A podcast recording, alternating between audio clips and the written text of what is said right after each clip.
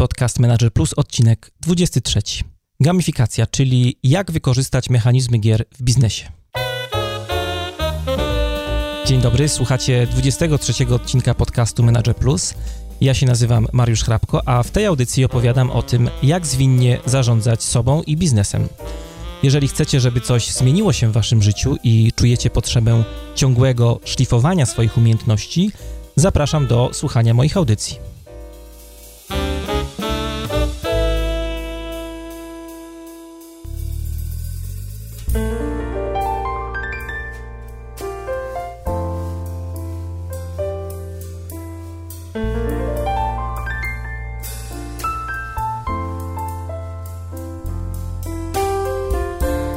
Dzisiaj zaczynamy tak trochę nostalgicznie, wchodząc już powoli w ten nastrój jesienno-zimowy, bardziej zimowy. Taką przynajmniej muzykę wybrałem dzisiaj do odcinka. Też tak się trochę czuję patrząc za okno. Będziemy rozmawiali o bardzo ciekawym temacie, o gamifikacji.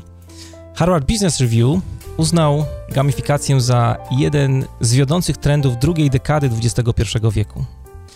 E, z kolei amerykańska firma badawcza Gartner Group przewiduje, że za dwa lata 70% największych firm na świecie w swojej strategii będzie wykorzystywać przynajmniej jeden z elementów gamifikacji. Czym jest gamifikacja? Dlaczego warto ją w swojej firmie mieć? Dlaczego warto ją wdrożyć? Jak się za to zabrać? Jakich błędów przy wdrożeniu unikać?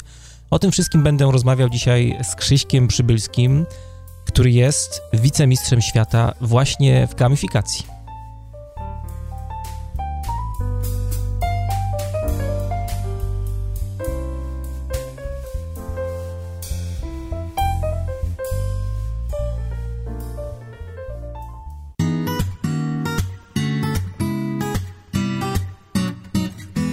Poradnikowo. Dzisiaj w poradnikowie przygotowałem coś dla Was absolutnie genialnego. To jest chyba, i mówię to zupełnie szczerze, najfajniejsza aplikacja, z jaką miałem kiedykolwiek do czynienia. Zombies Run. Bo tak się nazywa to cudo, Zombies Run. To aplikacja, dzięki której zupełnie zmienicie swoje podejście do biegania. Ci, którym się nie chce, na pewno zaczną. A ci, którzy biegają już od pewnego czasu, w tej aplikacji znajdą na pewno zupełnie nową motywację do biegania. Endomondo, Runkeeper, inne tego typu aplikacyjne dopalacze chowają się przy Zombies Run. To jest zupełnie, zupełnie nowa jakość biegania. Ja na przykład biegam już od ponad 5 lat, a dzięki tej aplikacji odkryłem ten sport, można powiedzieć, na nowo. Zombies Run to w pełni interaktywna gra do biegania. Użytkownik, czyli biegacz, wciela się w bohatera, którego celem jest uratowanie świata przed zombie, jak się pewnie domyślacie. W Zombies Run znajdujemy się w samym centrum epidemii zombie i najlepsze, co możemy zrobić, to po prostu uciekać przed zombiakami, biec jak najdalej, przed siebie. Gra w żadnym wypadku nie jest nudna czy, czy monotonna. Na pewno, jeżeli zaczniecie e, w nią grać, nie powiecie o niej, że jest nudna. Czeka na Was mnóstwo różnych niespodzianek, atrakcji, począwszy od misji dotarcia do wybranych punktów, a na specjalnych wyzwaniach skończywszy. W trakcie całej gry, zabawy zbieracie różnego rodzaju przedmioty, zbieracie amunicję, środki medyczne, baterie, które później można wykorzystać do tego, żeby rozbudowywać bazę. E, w trakcie gry możecie też słuchać własnej muzyki czy podcastu, jak na przykład polecam podcast Manager Plus do słuchania w trakcie tej gry. Gra ma też dość fajnie rozbudowany moduł statystyk, pozwala zbierać informacje na temat przebytego dystansu, czasu treningu czy tempa albo spalonych e, kalorii. Więcej o tej grze już nie opowiadam. E, informacje, szczegóły na ten temat znajdziecie w materiałach do e, wpisu. Pod dzisiejszym odcinkiem zapraszam na stronę mariuszchrapko.com ukośnik 23. A ja uciekam, bo zombiaki są coraz bliżej.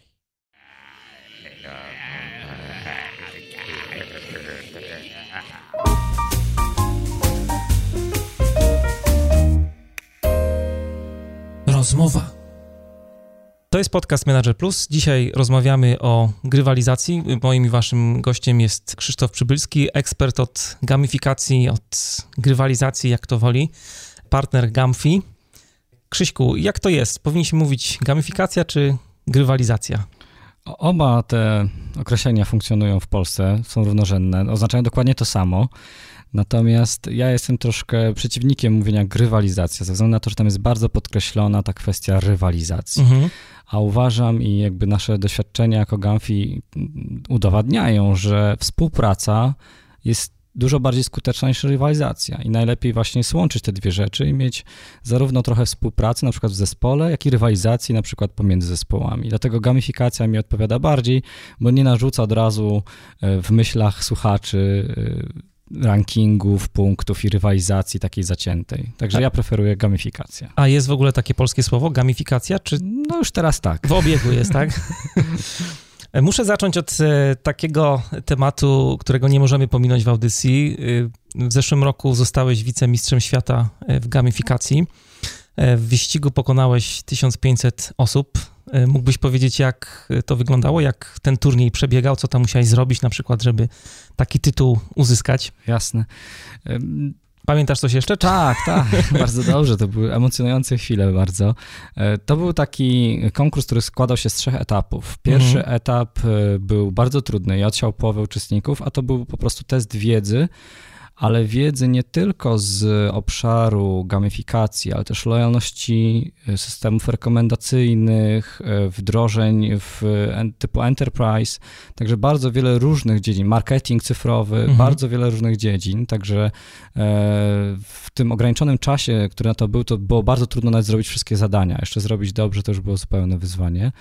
E, drugi etap składał się z kolei z siedmiu case studies. One chyba cały czas są dostępne na stronie konkursu do, do wglądu. Można sobie zobaczyć, spróbować własnych sił, na ile to było łatwe bądź trudne. Natomiast znowu bardzo ograniczony czas. Trzeba było naprawdę pisać cały czas, nie zastanawiać się w ogóle, bo by się nie zdążyło. No i trzeci etap, e, taki najbardziej emocjonujący, to już była walka z jednym konkretnym case'em, gdzie robiliśmy wszyscy jako finaliści jeden przykład e, kampanii na rzecz fundacji charytatywnej, która chce zwiększyć e, przeżywalność dzieci albo zmniejszyć śmiertelność małych mhm. dzieci, szczególnie w Afryce. No i e, to był bardzo konkretny przykład i tam mieliśmy zadanie właśnie zbudować jakąś taką identyfikację, jakiś przedmiot albo logo, które by bardzo nawiązywało do całej reszty akcji, zaproponować rozwiązanie grywalizacyjne, które mm, pomoże szerzyć tą kampanię oraz e, takie, które zaangażuje bardziej już ludzi, którzy uczestniczą, którzy są związani jakby z tą, z tą fundacją.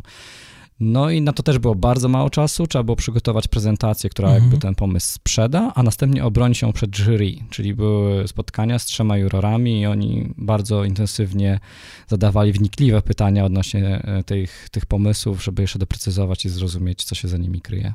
A zdawałeś, zdawałeś to może złe słowo, brałeś udział w tym konkursie, turnieju online, czy, tak, czy, czy, pojechałeś gdzieś? To, to był, to, ten, ten konkurs akurat był um, online, 100% online, natomiast edycja, która odbędzie się w przyszłym roku, do której serdecznie wszystkich zachęcam, żeby spróbowali swoich sił, już będzie miała finały e, takie, które się odbędą twarzą twarz. Finaliści wtedy będą prze przetransportowani w jakieś miejsce na świecie, jeszcze nie wiadomo jakie, no i wspólnie będą mogli uczestniczyć w tym wydarzeniu. Ta firma, która to organizuje, robi też um, konkursy związane z big data i tam właśnie zawsze finaliści są do Nowego Jorku albo do Sydney transportowani i tam się odbywają wielkie finały. A przygotowywałeś się jakoś specjalnie do tego konkursu? Pierwszy, szczerze powiedziawszy, pierwszy etap y, nie. Tak podszedłem z biegu, żeby zobaczyć, jak to będzie wyglądało, ale się okazało właśnie, że był na tyle trudny, że aż potem miałem wyrzuty, że po prostu trudno było mi odpowiedzieć na pewne pytania, więc od razu zacząłem szukać, co tam e, powinienem był odpowiedzieć. No i do drugiego już się trochę bardziej przygotowałem, do trzeciego bardzo intensywnie, tak? Także w miarę jak tam awansowałem do kolejnego etapu, to coraz więcej czasu poświęcałem Czyli na to, mieliście jakieś odstępy między tak, tak, etapami? Tak, tak, tak. Dobrze by było powiedzieć, skoro rozmawiamy o gamifikacji, czym ta gamifikacja w ogóle jest, żeby słuchacze e, zrozumieli. Wiele osób ma jakieś tam mniej lub bardziej mgliste pojęcie, czym gamifikacja jest, ale fajnie by było, jakby ekspert od gamifikacji wyjaśnił wszystkim, z czym to się je. Gamifikacja, tak podając definicję, to jest budowanie doświadczenia, które znamy z gier, w celu zmiany zachowań w niegrowym kontekście, czyli niezwiązanym z grami, na przykład w pracy, na przykład e, w podejściu do własnego zdrowia, w budowaniu zaangażowania fanów czy klientów. To są właśnie te obszary, gdzie chcemy wykorzystać pewne elementy z gier, takie jak psychologia gier, jak estetyka gier, po to, żeby właśnie zbudować doświadczenia, które będą dawały te same emocje co gry. I to jest bardzo ważne. Natomiast takie typowe postrzeganie gamifikacji to jest, że robimy grę. Także od razu powiem, nie, nie robimy gier. To jest pewnego rodzaju nakładka na jakiś proces, na proces angażowania pracownika czy klienta, która sprawia, że on ma takie same emocje, kiedy, jak gdyby grał w gry. Pamiętam, że jak byłem mały, to jak pierwszy raz zacząłem chodzić do szkoły z domu, w którym mieszkałem, ten odcinek był dla mnie bardzo nudny do pokonania. Jak wracałem, wymyśliłem sobie, były takie płyty chodnikowe, wymyślałem sobie, żeby co drugą płytę przeskakiwać. Widziałem, że pod spodem jest tam jakaś, nie wiem, czają się różne stwory. To, to była już gamifikacja, czy raczej próba racjonalizacji powrotu? tak, tak. To, to, już, to już są elementy właśnie Aha. gamifikacyjne, jak najbardziej. Jeżeli bardzo często widzimy zastosowanie tam, gdzie rzeczywiście mamy takie powtarzalne, dosyć monotonne zadania, które często musimy wykonywać. I okazuje się, że właśnie dodanie tam pewnych elementów, które nam będą mówiły na temat tego, Mm, jak inaczej tym razem to zrobiliśmy, tak? Czyli może poszliśmy inną drogą, inna, in, inną drogą pokonaliśmy te stwory, tak? Mhm. Jak dobrze nam poszło, jak szybko pokonaliśmy te wszystkie trudne przejścia i przepaście względem dnia wczorajszego, to już są właśnie te elementy związane z gamifikacją. A mówiłeś, że wykorzystuje się właśnie elementy gier do tego, żeby wtłoczyć je do jakichś zachowań takich codziennych na przykład, czy zawodowych, czy y, osobistych. Y, o jakich tutaj elementach gier mówimy? Punkty, tak, y, to, to ja często podaję przykład wszelkich aplikacji, y, które pozwalają nam śledzić naszą aktywność fizyczną czy to będzie Endomondo, czy jakikolwiek inny fitness tracker. Tam już są właśnie elementy gamifikacji. To są zgamifikowane aplikacje. Tam mamy najczęściej punkty. Być może nie są to punkty nazywane punktami, ale liczba spalonych kalorii, przebytych kilometrów, bądź w przypadku Nike mamy Nike Fuel, tak, które akurat są takimi typowymi punktami. Tam mamy też bardzo często rankingi, mamy misje, mamy jasno określone cele. E, zdarza się również, że mamy jakiś zespół, drużynę, bądź należymy do społeczności i to też są jakby elementy, które potem w grach są bardzo często wykorzystywane. Niektóre te aplikacje również pozwalają nam na mm, interakcje z innymi osobami, które mogą nam pomagać bądź szkodzić. To wszystko są właśnie elementy, które są typowe dla gier. Jest taka aplikacja, którą poleciłem w dzisiejszym odcinku w sekcji poradnikowo. Ta sekcja to jest taka sekcja, w której dzielę się ze słuchaczami różnego rodzaju aplikacjami, książkami, dobrymi radami, które gdzieś tam u mnie się sprawdziły. No i poleciłem aplikację, która trochę nawiązuje do tego, nazywa się Zombies Run. I no nie miałem akurat problemu z bieganiem, byłem bardzo ciekawy, na czym to tak naprawdę polega, no i faktycznie efekt jest niesamowity. Ma się wrażenie, że się biegnie w jakimś zupełnie e, wyizolowanym otoczeniu, biegną zombie cały czas, musisz przyspieszać, żeby, żeby nie dać się złapać. Jest jakaś misja, jest historia, cały czas podtrzymują e, rozmowę z biegaczem e, narratorzy, którzy tą grę prowadzą. No coś niesamowitego. Naprawdę można się, można się wkręcić i polubić bieganie w ten sposób. Tak, tak. E, to jest świetna aplikacja. Ja z tą aplikacją biegam od 4 lat i za dwa tygodnie jest taki międzynarodowy wyścig wszystkich użytkowników tej aplikacji. Na całym świecie jednocześnie ludzie będą się ścigać. I nie wiem, czy słuchacze wiedzą, ale z aplikacją się biega ze słuchawkami na uszach, także tam różne, różnego typu historie przede wszystkim są opowiadane. I właśnie ten, te historie czy storytelling to też jest taki element właśnie, który jest często wykorzystywany w aplikacjach grywalizacyjnych. I tutaj e, w przypadku Zombies Run działa to naprawdę prześwietnie, prześwietnie. No i można też dodatkowo słuchać muzyki, e, bo ta aplikacja bardzo fajnie koresponduje właśnie z muzyką, która gdzieś tam leci sobie w tle, jest historia, która się przeplata z tym, e, co słuchamy. Trochę miałem problem przy słuchaniu podcastów, bo jednak jak tam narrator opowiadał historię, to jednak ten podcast był wyciszany, ale już się nie wyłączał, więc w związku z tym ciężko było e, no, trzeba było cofnąć podcast, żeby było można posłuchać, o czym, o czym była mowa. E, Krzyśku, pytanie mam takie, które dotyczy jeszcze genezy gamifikacji. Skąd w ogóle to się wzięło? Bo to, to nie jest rzecz jakaś stara, tylko chyba dość świeża, prawda? Tak, to czy ja myślę, że to wyniknęło jakby z rosnącego, z rosnącej świadomości tego, że mamy do czynienia z ogromnym kryzysem zaangażowania. Zarówno w miejscach pracy, Tutaj badania Instytutu Galupa podają, że zaledwie co ósmy pracownik jest zaangażowany w pracę, którą wykonuje. Siedmiu jest niezaangażowanych, a y, co czwarty wręcz jest negatywnie zaangażowany i psuje pracę innym pracownikom, mhm. tak, utrudniając ją, wprowadzając zamieszanie bądź, bądź po prostu demoralizując innych pracowników. W przypadku klientów też mówimy o kryzysie uwagi, że po prostu jesteśmy, jesteśmy przytłoczeni ilością e, komunikatów, marek, reklam, które na nas cały czas polują i w związku z tym poświęcamy im coraz mniej uwagi. I, I, tutaj chyba zaszła taki proces myślowy, no dobrze, skoro nam tutaj brakuje tej uwagi i zaangażowania, to gdzie go mamy w nadmiarze? No i znaleziono gry. No i wtedy właśnie wyszło, że być może zastosowanie tych elementów z gier w innych kontekstach pozwoli nam to zaangażowanie przywrócić, odzyskać. Także trudno mi nawet powiedzieć, kiedy to jakby formalnie zostało nazwane gamifikacją, bo pierwsze wdrożenia y, takich aplikacji czy takich systemów działy się jeszcze zanim ta nazwa powstała, tak? Um, i były dosyć rozproszone, a w tej chwili jakby już wszyscy się chowają pod ten parasol i to nazywają gamifikacją, e, więc to już jest takie ukonstytuowane. Natomiast wydaje mi się, że przede wszystkim jakby powstało to dlatego, żeby walczyć z brakiem zaangażowania, z brakiem motywacji. No w Polsce taka popularność gamifikacji to jest rok 2010-2011. Ja to trochę kojarzę e, z książką Pawła Tkaczyka Grywalizacja. On trochę rozpropagował ten temat e, w Polsce no właśnie pod nazwą, pod nazwą grywalizacji. Też y, twoja firma, z tego co, co wiem, pierwsze wdrożenia prowadziła mniej więcej gdzieś tam w roku 2010, 2010-11. Y, tak, tak, zgadza się. Tylko, że to zawsze jest tak, tak jak według gartnerowskiego hype cycle. Tak, jest taki moment, kiedy wszyscy się tym bardzo ekscytują, Potem przychodzi taki moment rozczarowania i dużo firm, które wniosło sztandar gamifikacji, a niekoniecznie do końca to robiło, się rozpada, umiera, ginie gdzieś na rynku. No a w tej chwili, właśnie te lata 2014-2015, uważam, że to jest taki bardzo silny renesans gamifikacji. Znaczy, pojawia się bardzo dużo firm zainteresowanych tym tematem, bardzo dużo wdrożeń wewnętrznych w dużych organizacjach.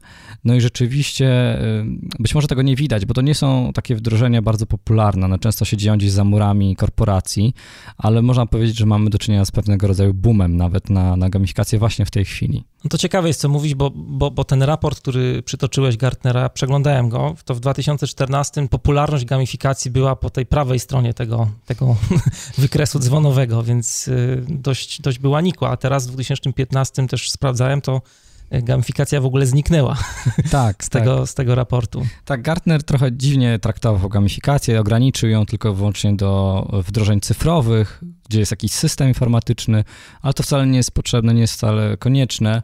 No i chyba właśnie w związku z różnymi um, kontrowersjami, chyba żeby uniknąć dalszych, dalszych problemów, to po prostu zdjęli ze swojego wykresu.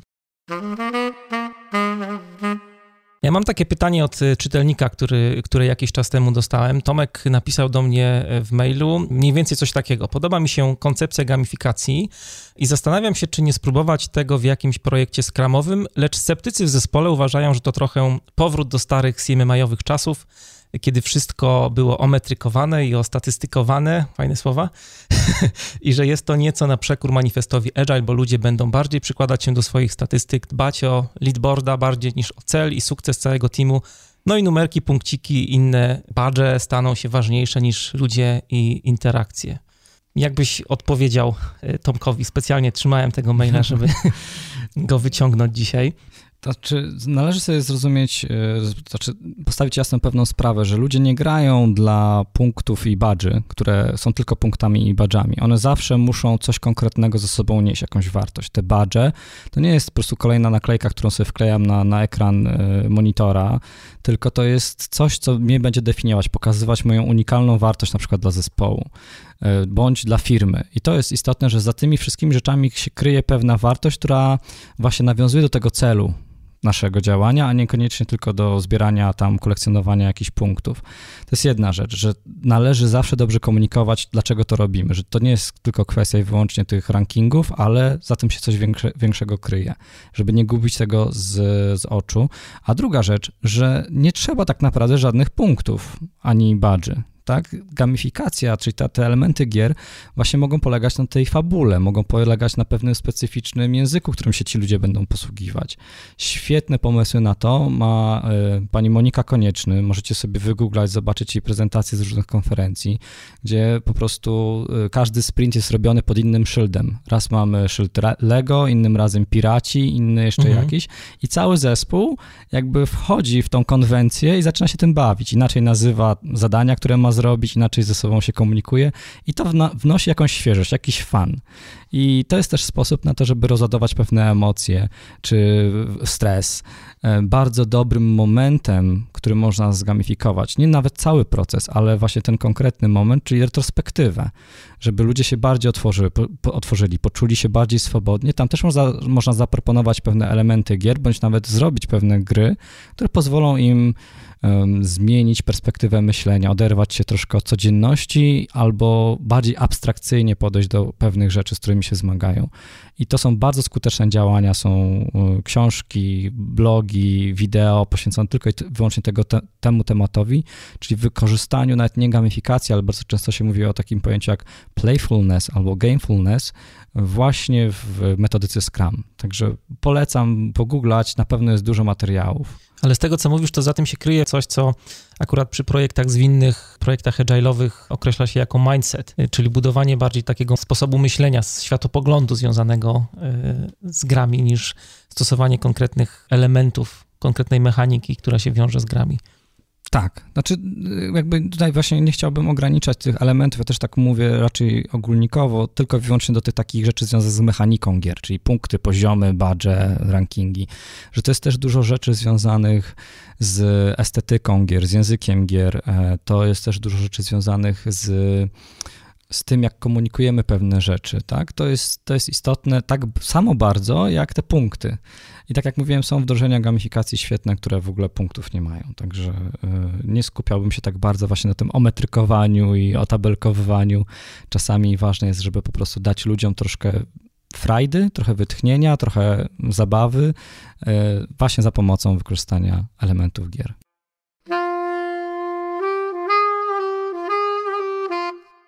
Chciałem zapytać, czy gamifikacja może prowadzić do mm, takich zachowań negatywnych, bo powiedziałeś, że gamifikacja no to jest w pewien sposób stosowanie elementów gier do tego, żeby, tak zrozumiałem, pozytywnie raczej zmieniać ludzi w firmach, ale czy za pomocą y, gamifikacji można w jakiś sposób y, ograć system? Tu mi przyszedł do głowy taki, taki przykład, który był dość popularny kilka lat temu. Jest taka platforma y, Tumblr, nie wiem czy słyszałeś? Taka platforma mikroblogowa i oni e, jakiś czas temu na początku wprowadzili taką, e, taką metrykę, która się nazywała Tumblarity. To była taka metryka, która pokazywała, jak bardzo jesteś popularny, jeśli chodzi o swoje wpisy na blogu. No tam mm, ludzie zaczęli robić bardzo dziwne rzeczy, bo pojawiało się po kilkadziesiąt wpisów dziennie na, na Tumblerze, żeby ten indeks Tumblarity był jak najwyższy. E, no ale efekt był taki, że ludzie publikowali kupę śmieci różnych, mało wartościowych rzeczy, bo ten Tumblr działa trochę tak jak Facebook, że możesz tam sobie, pisem jest link na przykład, albo jakiś plik audio, albo wideo, albo wpis jakiś tekstowy na przykład. No i można bardzo łatwo ograć system za pomocą właśnie cyferek. Y, oni się zdaje z tego później wycofali, ale niedawno gdzieś czytałem, że ten indeks Tumblarity znowu y, powrócił do łask. Tak, to znaczy trzeba naprawdę bardzo ostrożnie podchodzić do projektowania gamifikacji. Trzeba od razu zakładać, że ludzie, uczestnicy za wszelką cenę będą starali się te systemy obchodzić, naginać, łamać, znajdować drogę właśnie do, na skróty do zdobycia dużego wyniku.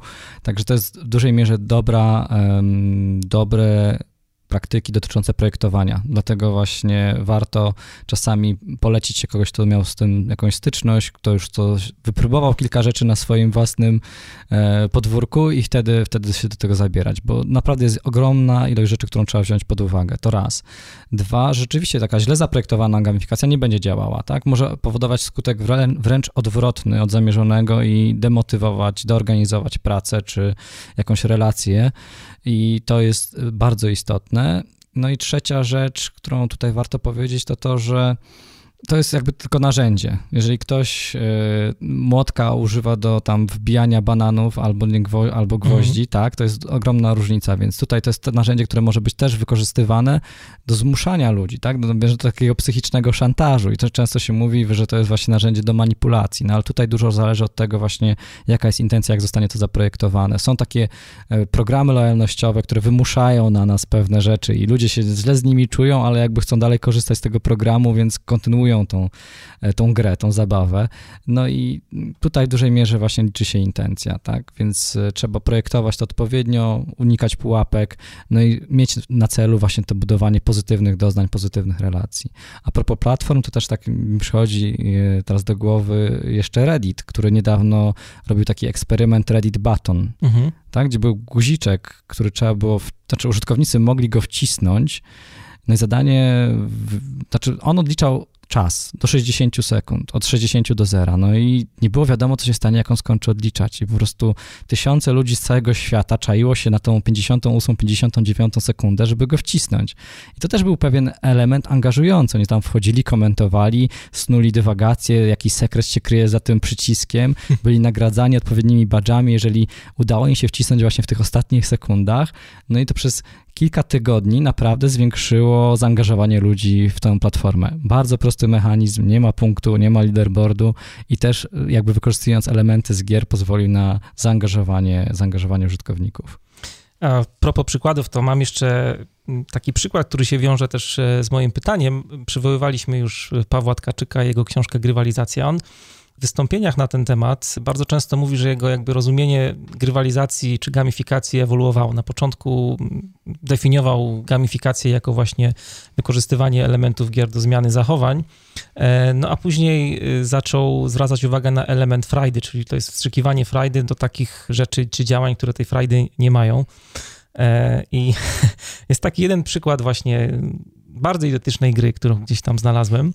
Stronka y, nazywa się Progress Wars, progresswars.com, nie wiem, czy widziałeś? Tak. Tak, no i tam jest, y, no w zasadzie mamy do czynienia z grą, nie wiem, czy to jest gra zgodnie z kryteriami projektu gry, ale idea jest taka, że właśnie wchodzi się na stronę, no i na tej stronie niewiele jest, jest y, tylko informacja o tym, że twoja misja nazywa się, nie wiem, pogłaszcz jakiegoś małego szczura, no i trzeba kliknąć w przycisk, który mówi wykonaj misję. No i klika się w przycisk w zasadzie dwa razy, bo za pierwszym razem ten, ten progress bar, czyli jakby wskaźnik e, postępu pokazuje, że nie wiem, pogłaskałeś szczurka w połowie, musisz kliknąć jeszcze raz, no i w zasadzie misja jest skończona. No i to jest jakby cała gra. Frajdy tam nie ma żadnej, bo po dwóch kliknięciach masz już w ogóle dość grania w Progress Wars. Jak to jest z tą, z tą frajdą? Znaczy, tutaj właśnie należy zaznaczyć, że to jest tylko i wyłącznie wykorzystanie takich tych suchej mechaniki, bez, bez całego takiego myślenia projektowego, takiego wykorzystania skupienia się na użytkowniku, na jego potrzebach, na barierach, które jakby w codziennym dniu, z którymi musi się zmagać. I to są rzeczy, które są strasznie ważne przy projektowaniu gamifikacji, żeby mm, bardzo dobrze rozpisać sobie doświadczenia tej osoby, zauważyć, gdzie ona ma problemy, gdzie są te momenty nudy albo jakiejś demotywacji i tam zastosować w tym momencie właśnie odpowiednie mechaniki, które pozwolą nam przezwyciężyć te bariery. Natomiast takie suche wykorzystanie samej mechaniki, no to, to, to właśnie sprowadza się do takiego, to się też często mówi pontification, tak? Po prostu mhm. nagradzanie punktami za jakieś akcje, ale bez, bez jakiegoś tam większego celu. Także, no tak, takich gier jest sporo i one pokazują jakby tutaj taką ogłupiającą czasami być może moc gier, tak, że same te mechaniki na nas działają i ludzie się potrafią wciągnąć w te klikanie. Też były takie eksperymenty na Facebooku, z, e, aplikacja się nazywa Cow Clicker i tam generalnie należało klikać w krowę, żeby ona muczała i to wszystko, tak, więc, więc a ludzie to kochali i klikali często ale jakby to nie jest ten cel, to nie jest, nie o to chodzi. Natomiast z, z wstrzykiwaniem frajdy mam taki problem, że trudno tą frajdę jakoś zdefiniować i namacalnie dotknąć, Czym żeby ją gdzieś tam mhm. włożyć, tak? I y, zasadniczo zgadzam się, jakby potrzebujemy tych pozytywnych emocji. Właśnie jakby taka jest misja, tak? Moja, żeby wsadzać te pozytywne emocje gdzie tylko się da, żeby troszkę ludziom żyło się lepiej i łatwiej i weselej. Natomiast ta, ta, definicja, że to jest strzykiwanie frajdy jest dla mnie troszkę mało określona, tak? Dlatego właśnie raczej wolę się posługiwać tymi narzędziami, mówić o pewnych elementach gier, bo one są takie bardziej określone, bardziej namacalne. Natomiast z Pawłem Tkaczykiem się zgadzam w 100%, że jakby ta frajda e, to jest ten cel, który tam przyświeca nam i zawsze też e, dbamy o to, żeby zaimplementować tam tak zwane easter eggs, tak, czyli jakieś niespodziewane komunikaty bądź elementy z popkultury, które sprawiają, że ludzie odkrywając je rzeczywiście mają z tego radość. Bo ta gra Progress Wars, ona pokazuje też w moim przekonaniu, nie jestem ekspertem od gamifikacji, do czego to może doprowadzić, jeżeli właśnie, nie wiem, frajdy czy zaangażowania ludzi, którzy w to grają, po prostu nie ma. Bo też y, jakby podzielam obawy zespołu Tomka, nawiązuję teraz znowu do maila, y, który przed chwilą przytoczyłem, no że faktycznie można to tak zaprojektować, że będą się liczyły poziomy, będą się liczyły punkty, będą się liczyły różnego rodzaju tablice z wynikami, no a nie będzie tego, tego czegoś, właśnie nie wiem, frajdy, zaangażowania, tego, tej, tej iskry, która powoduje, że faktycznie jest przyjemność tego, co robimy, co wykonujemy w pracy. Tak, to ja może powiem właśnie, jak, jak, jak ja się zabieram do projektowania gamifikacji, mhm. bo to jest bardzo istotne. I bardzo często, jak przychodzi do mnie ktoś z taką potrzebą, no to pierwsze pytanie, no to za co dajemy punkty i ile i jakie badże będą? Ja mówię, spokojnie, spokojnie. Najpierw musimy rozważyć, kim jest nasz ten uczestnik tego programu. Wchodzimy bardzo, budujemy bardzo często persony, budujemy właśnie takie zgłębione analizy tego, jak wyglądają ich obecne zachowania i postawy i przede wszystkim skupiamy się na tym, jakie zachowania możemy zmienić, delikatnie wpłynąć, spowodować, że ta osoba troszkę więcej czasu poświęci, troszkę więcej wysiłku bądź uwagi, żeby wykonać pewne zadania, które potem doprowadzą do zmiany postaw. I to jest kluczowe, tak? Mhm. To jest najważniejsze, żeby doprowadzić do zmiany troszkę światopoglądu, sposobu myślenia, sposobu działania, a dopiero na samym końcu jakby dochodzimy do tych elementów z gier, tak, gdzie je aplikujemy, że nie zaczynamy od tego, że to nie jest istotą, że zbudować świetny system ekonomii punktów. To, to nie jest ważne. Ważne jest, jakie zachowania możemy delikatnie zmodyfikować, tak aby sposób myślenia tego człowieka się zmienił, aby jego postawa się zmieniła. Znowu wracając do tego przykładu aplikacji e, do śledzenia naszej aktywności fizycznej, no właśnie one powodują tą zmianę, że jak kiedyś biegało się bez tych apek, no to raz się wyszło, raz się nie wyszło, było słońce, to sobie pobiegłem trochę dalej, nie padał deszcz, to w ogóle, a teraz jakby ludzie świadomie ustawiają sobie tam pewne cele, dążą do tego, żeby pobić swoje własne rekordy, mają tą większą ambicję, żeby właśnie dawać z siebie więcej. I nawet nie to, że ścigać się z innymi i tam dbać o ten leaderboard, ale prześcignąć samego siebie z wczoraj albo sprzed tygodnia. Albo zombie. Albo zombie. Jasne. No i, i to jest ta frajda. To zmienia się właśnie sposób myślenia. Już potem ludzie często rezygnują z tej aplikacji albo zmieniają ją na inną. Już to nie ma takiego znaczenia, tak? Natomiast znaczenie ma to, że ta osoba już inaczej podchodzi do tej aktywności. Że ona na przykład poprzez to, że regularnie biegała, zauważyła, że jest zdrowsza, chud, chudsza, atrakcyjniejsza, silniejsza, tak? I to jest to, co nas motywuje. Więc y, ja zawsze bym się skupiał właśnie do tych zachowań, postaw i jak możemy też podkreślić wartość pewnych rzeczy, tak jak w przypadku tych aplikacji, mm, to co z nich mamy, kiedy zaczniemy biegać, bo na początku wszyscy mają świadomość, jakie to jest super ważne i istotne, ale nikt tego nie robi. Ale kiedy spróbują po raz pierwszy, drugi, mm. trzeci, uda im się uciec przed tymi zombiakami i tam jeszcze przy okazji zbudować nowy budynek w swojej bazie, no to wtedy czują się dopiero dobrze dobrze, tak? A jeszcze jak przy tym zauważą, że wcześniej nie potrafili przebiec 5 km, a teraz robią 7 bez większego wysiłku, no to pokazuje im, że te zachowania, które wcześniej mieli, doprowadziły do bardzo jasnych korzyści dla nich samych. I to jest to, co buduje motywację, zaangażowanie.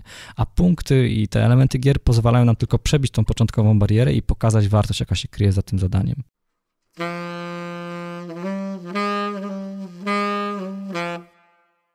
A wróćmy jeszcze do tego y, procesu wdrożenia, bo powiedziałeś, że takim pierwszym krokiem jest właśnie zdefiniowanie celów, jak ta zmiana świadomości by miała wyglądać. Rozumiem, że celem tutaj jest zwiększenie zaangażowania w dużej mierze pracowników. Robicie jakieś warsztaty, rozumiem, na początku, tak? Gdzie definiujecie persony. Tak, tak. E, bardzo często są to takie właśnie warsztaty incepcyjne, gdzie, gdzie mm, też zbieramy wszelkiego rodzaju informacje, które już są, które mamy z jakichś badań, raportów. Jeżeli ich nie ma, to sami robimy ankiety, grupy fokusowe. Jest bardzo istotne, żeby dobrze zrozumieć e, istotę E, tych zachowań, które obserwujemy teraz, a które nie są dla nas jakby optymalne, super pożądane i zastanowić się, jak możemy, jakie rzeczy możemy delikatnie zmienić, żeby, żeby one się, żeby ten sposób myślenia ludzi też się troszkę zmienił. I w przypadku takich wdrożeń marketingowych, otwartych, e, które, których celem jest dotarcie do klientów, to też bardzo podobnie się do tego podchodzi, tak? Też staramy się zrozumieć jak najlepiej grupę docelową, ich aktualne zachowania, y, gdzie spędzają sporo czasu, jakie rzeczy, serwisy lubią, y, z czego można czerpać ewentualnie inspirację albo do, do czego nawiązywać, bo to zrozumienie naszego użytkownika jest super, super istotne. Kiedy już to mamy, to właśnie wtedy dopiero najczęściej rozrysowujemy sobie taką mapę doświadczeń czy podróży tego naszego użytkownika po to, żeby zrozumieć, jak wygląda pewien proces i w którym miejscu właśnie musimy zaaplikować te mechanizmy z gier, gdzie on potrzebuje dodatkowej motywacji, żeby zrobić coś szybko, gdzie on potrzebuje jakiegoś takiego od, o, e, ciekawego przerywnika, kiedy się nudzi, tak? To są takie rzeczy, gdzie szczególnie zwracamy uwagę i planujemy tak, aby też podkreślić wartość tych działań, wartość relacji, jaką on ma z, z, marką czy z pracodawcą, tak żeby pokazać, że jakby wszyscy na tym korzystamy, że dzięki temu, że on trochę więcej wysiłku i czasu na coś poświęci, to on ma swoją osobistą wygraną, a marka czy pracodawca też dzięki temu osiąga swoje cele. No jak to wygląda dalej? Macie już e, mniej więcej zdefiniowane cele? Jak wygląda dalej to wdrożenie w firmie? No następnie przygotowujemy takie ścieżki angażowania, czyli właśnie gotowe już jakby zestawy pewnego typu misji, zadań do wykonania, które mają taki też rosnący poziom trudności. Zaczynamy od rzeczy bardzo łatwych, Mm, które wymagają dosłownie poświęcenia 3 sekund czasu i doprowadzamy do tego, że ta osoba poświęci 3, potem 5, potem 30, a potem na przykład spędzi tam cały dzień na tym, żeby nagrać jakiś fajny film i go zmontować.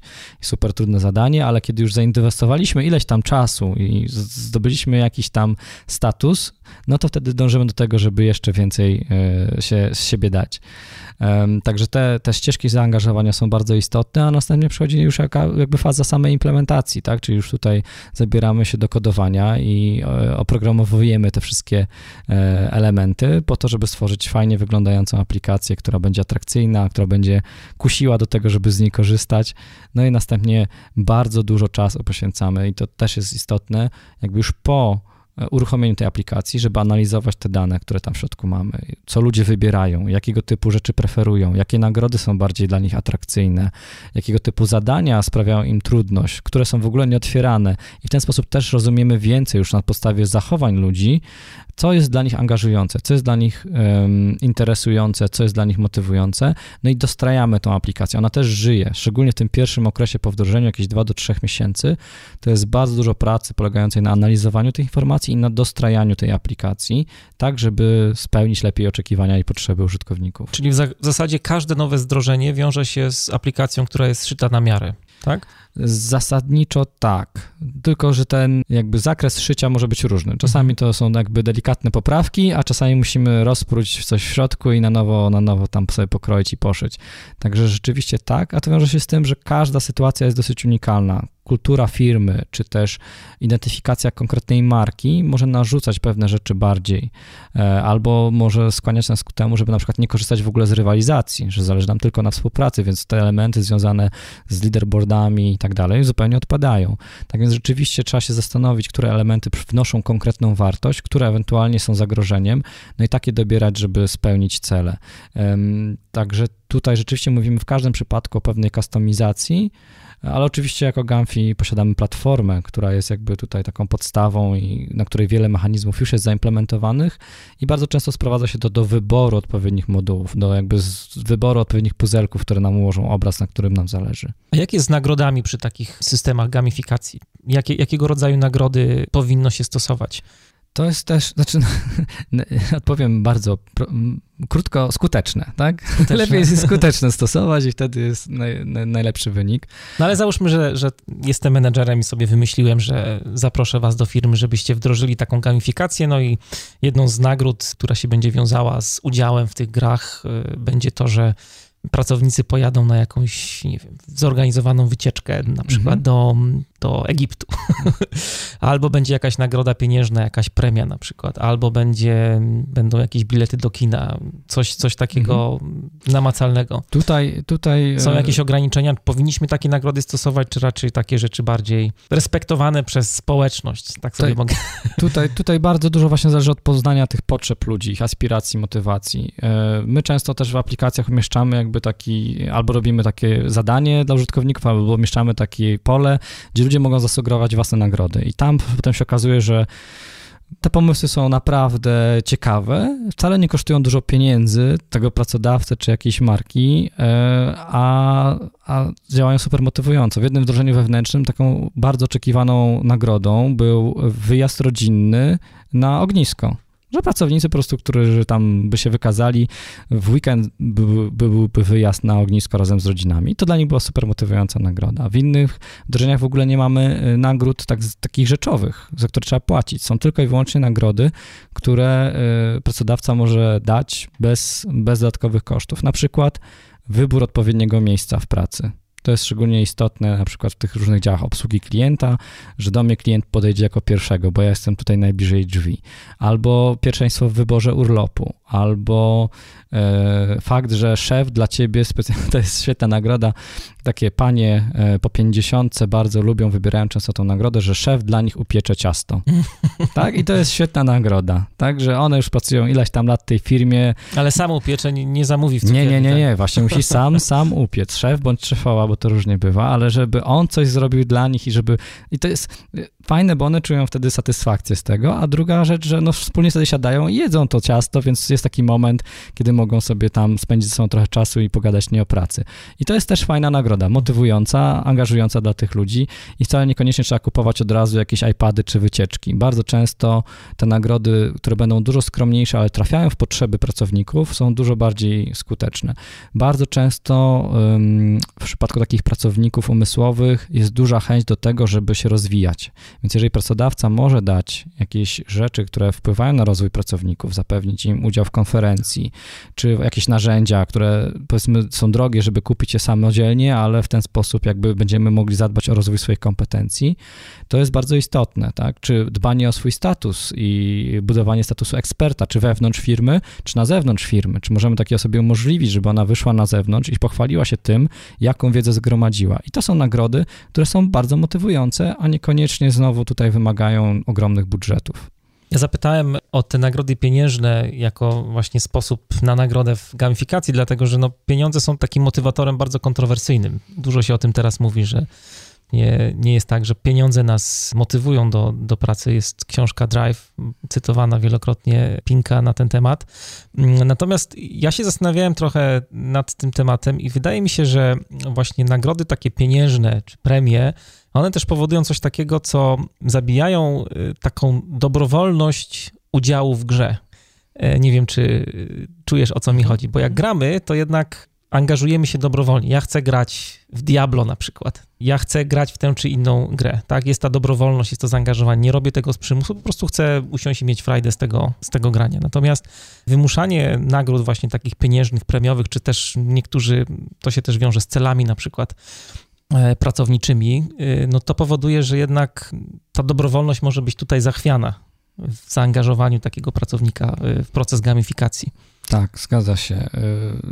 Szczerze powiedziawszy, nie potrafię sobie przypomnieć, czy mamy jakiekolwiek wdrożenie, które, które oferuje nagrody pieniężne bo to jest rzeczywiście niebezpieczne. Najczęściej, zresztą firmy już mają jakieś programy premiowe, czy programy właśnie motywacyjne, które wiążą się z wynagrodzeniem finansowym, i, kiedy Gamfi robi wdrożenie w takiej firmie, to przeważnie jakby zostawia te rzeczy ściśle związane właśnie ze sprzedażą czy z bonusami, a staramy się działać na rzeczy, które prowadzą do tej skutecznej na przykład sprzedaży, tak? Czyli dbamy o edukację pracowników, o ich motywację i tam nagradzamy ich obok zupełnie tych wszystkich systemów premiowych, które są związane ściśle z ich e, wydajnością w pracy, tak? Czy skutecznością w pracy. Więc raczej staramy się takie miększe rzeczy e, grywalizować, gamifikować po to, żeby docelowo jakby pokazać ludziom, dać im możliwość do tego, żeby byli wydajni, skuteczni w pracy. Z tymi pieniędzmi właśnie jest trochę problem, bo bardzo często też widzimy w wdrożeniach marketingowych, że dawanie takich nagród o bardzo dużej wartości pieniężnej przyciąga trochę niewłaściwych ludzi. Ludzi, którzy są bardziej zainteresowani tą nagrodą niż y, marką, wokół której właśnie toczy się cała gamifikacja. Wobec czego zawsze staramy się znaleźć takie nagrody, które są bardzo ściśle związane z daną marką, a niekoniecznie są wartościowe. Natomiast fajnie, jeżeli są unikalne. W przypadku gry o Tron mieliśmy na przykład żele pod prysznic, które wyglądały jak takie e, torebki foilowe z krwią i przy promocji serialu Czysta Krew naprawdę ludzie długo to licytowali, bo to było coś fajnego, coś, czego nie było można dostać w sklepach. No i jakby to nie jest coś, co przyciągnie takiego konkursowicza, jak powiedzmy iPad, tylko to jest coś, co przyciągnie rzeczywiście fana tego serialu albo kogoś, kto rzeczywiście gustuje w takich wampirycznych e, klimatach i to jest fajne, tak, bo to wtedy nam na tym zależy i klientowi na tym zależy i ta osoba też z tego ma większą frajdę. Słyszałeś to pytanie pewnie wiele razy zwłaszcza jak chcesz sprzedawać, czy sprzedajesz temat gamifikacji gdzieś na zewnątrz, co, co to daje tak naprawdę? Czy są jakieś badania na ten temat? Y, wspominałeś o zaangażowaniu, zwiększeniu zaangażowaniu pracowników. Co oprócz zaangażowania daje gamifikacja w firmie? Dlaczego współczesny menadżer e, słuchający podcastu Manager Plus powinien wdrożyć gamifikację w swoim, w swoim zespole, w swojej firmie? Znaczy to wiele rzeczy pozwala to zmienić. Znaczy ja bym się skupiał na tych zachowaniach i postawach. Jeżeli widzimy w swoim zespole jakieś powtarzające się problemy, jakieś chroniczne zachowania ludzi, które nie do końca nam odpowiadają, albo psują atmosferę, albo nie pozwalają osiągnąć większych wyników, to to jest jasny sygnał, że tam można zastosować gamifikację, żeby te zachowania zmienić. Konkretnie, jeżeli chodzi o to, co się dzieje w firmach, to na przykład y, we wdrożeniu w PZU pomagamy budować nawyk samokształcenia u menadżerów, żeby oni nie czekali, aż pracodawca do nich przyjdzie ze szkoleniem czy z jakąś tam ofertą y, szkoleniową, tylko żeby sami aktywnie szukali źródeł i dbali o to, żeby, żeby rozwijać ich kompetencje. No i to jest jakby zysk, tak? Raz, że wiemy, że nasi menadżerowie mają ten nawyk i jakby budują swoje kompetencje, niezależnie od tego, czy akurat jest cykl szkoleniowy jakiś, czy nie. W innej firmie z kolei e, wspieramy zmianę standardów obsługi klienta, żeby osoby, które tam właśnie są na tej pierwszej linii frontu i ścierają się z klientami, żeby podchodzili do tego w sposób niestandardowy, unikalny, żeby ich zaskakiwali, żeby właśnie potem e, jakby taki namacalny wynik, jak już mówimy o tych metrykach różnych i statystykach, no to są e, efekty później w wyniku badań e, standardów obsługi klienta, tak? Czyli mamy jakiegoś tajemniczego klienta albo kwestię rekomendacji, ankiety i widzimy mierzalny mierzalną zmianę, która zachodzi właśnie w wyniku podjęcia tych zadań gamifikacyjnych. Innym przykładem to jest taki twarda, twardy wpływ na wyniki firmy, tak? Czy to będzie sprzedaż, czy to będzie redukcja kosztów, e, to też jest obserwowane. E, w niektórych firmach słyszałem, że są takie projekty gamifikacyjne, które na przykład dbają o to, czy świadomie korzystamy z energii elektrycznej. Tam jest kwestia upoluj energetycznego wampira, tak? Zrób zdjęcie jakby zadziałaj, kiedy widzisz, że coś jest marnowane, jakiś zasób. No i też to się potem przekłada na rachunki za elektryczność, tak? Biurowca. Więc różnego typu tego aktywności są, ale taką rzeczą, która jest chyba naj, najważniejsza, często jest takim efektem ubocznym, powiedzmy, to jest właśnie wzrost tego zadowolenia i zaangażowania e, pracowników. Widzimy, że oni wtedy troszkę inaczej do tego podchodzą, e, dużo lepiej reagują na różnego rodzaju rodzaju zmiany, albo mają okazję lepiej poznać swoich współpracowników od tej strony, być może której wcześniej ich nie mieli szansy poznać i dzięki temu budują więzi w ramach zespołów. I to jest super ważne, że gry to jest taka płaszczyzna, która pozwala bardzo często ludziom się otworzyć i poznać na zupełnie niespodziewany sposób. I to łączy ze sobą ludzi na różnych szczeblach hierarchii, łączy ludzi w różnym wieku y, i, i to jest fajne, że to buduje właśnie taką e, atmosferę w zespole, która jest optymistyczna, pozytywna. Przysłuchując się temu, co tutaj opowiadasz, jak to wygląda, jak proces projektowania gamifikacji też wygląda, jak wygląda wdrożenie, Naszła mnie taka refleksja, czy można to zrobić w pojedynkę, czy, czy tak jak Tomek napisał w swoim mailu, po raz kolejny go przytoczymy, tutaj będzie gwiazdą w podcaście dzisiejszym.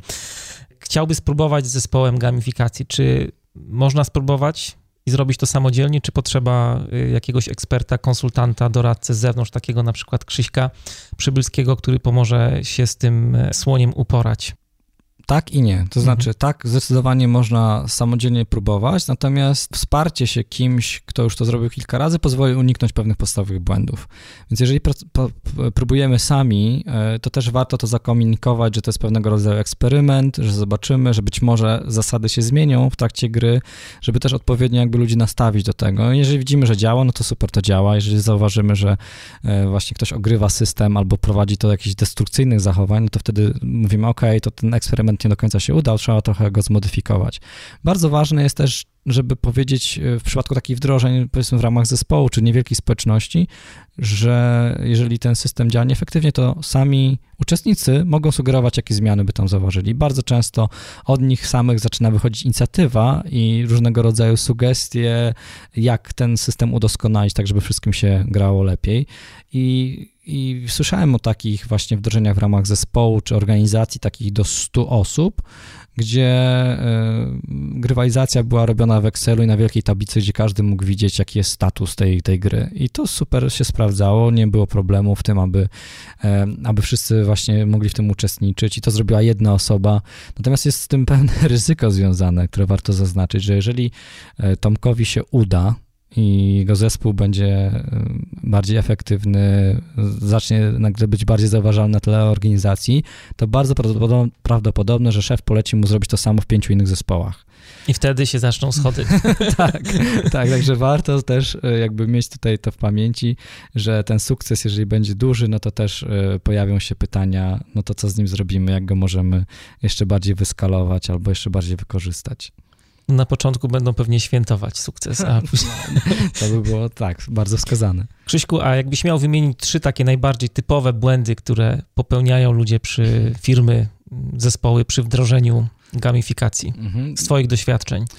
Pierwszy podstawowy to jest zła konstrukcja tablicy wyników. Bardzo często właśnie widzimy takie wyniki od początku świata do dnia dzisiejszego, gdzie widzimy wszystkie osoby i wtedy się angażują 3% tych, którzy są na szczycie, bo oni walczą o nagrody.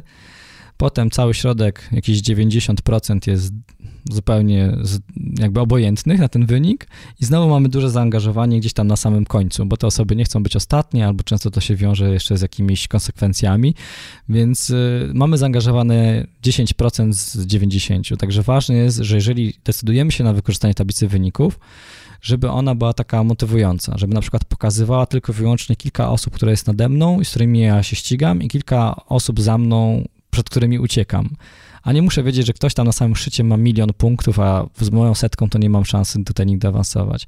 Albo resetować te tablice wyników co jakiś czas, żeby dawać tą równą szansę i dawać ludziom w tych krótkich sprintach zawsze na wygranie nagrody. Także tutaj to jest pierwsza rzecz, że jeżeli decydujemy się na jakąś rywalizację i tablicę wyników, to trzeba to do, bardzo dobrze przemyśleć. A tutaj mam od razu takie pytanie. Spotkałeś się z tym, żeby zamiast wyników indywidualnych pokazywać wynik zespołu? Na przykład, y, no bardzo mi to jakoś pasuje, jest zgodne z duchem filozofii agile'owej, że zespół jest tym bytem, który tutaj rozwija produkt i zespół jest najważniejszy. Jak najbardziej tak. Y, wręcz dochodzi do tego, że w niektórych sytuacjach nie można zastosować indywidualnych wyników. Takim przykładem specyficznym jest rynek niemiecki, gdzie prawo niemieckie zabrania pokazywania jakichkolwiek wyników związanych bezpośrednio z nazwiskiem, z konkretnym pracownikiem. Tam trzeba stosować jakiegoś rodzaju właśnie grupy, zespoły po to, żeby, y, żeby w ogóle budować tutaj na tej rywalizacji. Także jak najbardziej tak. Bardzo często też zdarza się, że mamy jakby dwa poziomy wyników, właśnie indywidualny, który jest taki mniej zobowiązujący, tylko bardziej pokazuje nam, jak nam idzie w tej grze, oraz taki, na którym się dzieje prawdziwa rywalizacja, czyli ten zespołowy, tak? I to, to super działa. Drugim takim y, bardzo popularnym y, błędem jest zbytnie skupienie się na celach organizacji albo właśnie organizatora tej gamifikacji. Gdzieś tam umyka ta wartość, ta korzyść, która jest dla uczestnika. I to jest też, co często właśnie musimy jakoś odnajdywać i wzmacniać. Ja często mówię, że, że gamifikacja to jest takie szkło powiększające, że jak jest jakaś wartość w tym produkcie, usłudze czy jakimś procesie, tylko ona jest trudno zauważalna, bo trzeba się go nauczyć, bo jest tam jakaś bariera, to gamifikacja jest takim szkłem powiększającym, które nam pokazuje tą wartość od razu i sprawia, że nam się bardziej chce ale jeżeli tej wartości tam nie ma, no to ta gamifikacja nie zadziała, tak? Jak, jak coś jest słabe i rzeczywiście jakby jest mordęgą dla ludzi albo jest zupełnie dla nich niepraktyczne, niekorzystne, to nieważne ile tam gamifikacji posypiemy, polejemy, no to to nie stanie się fajne.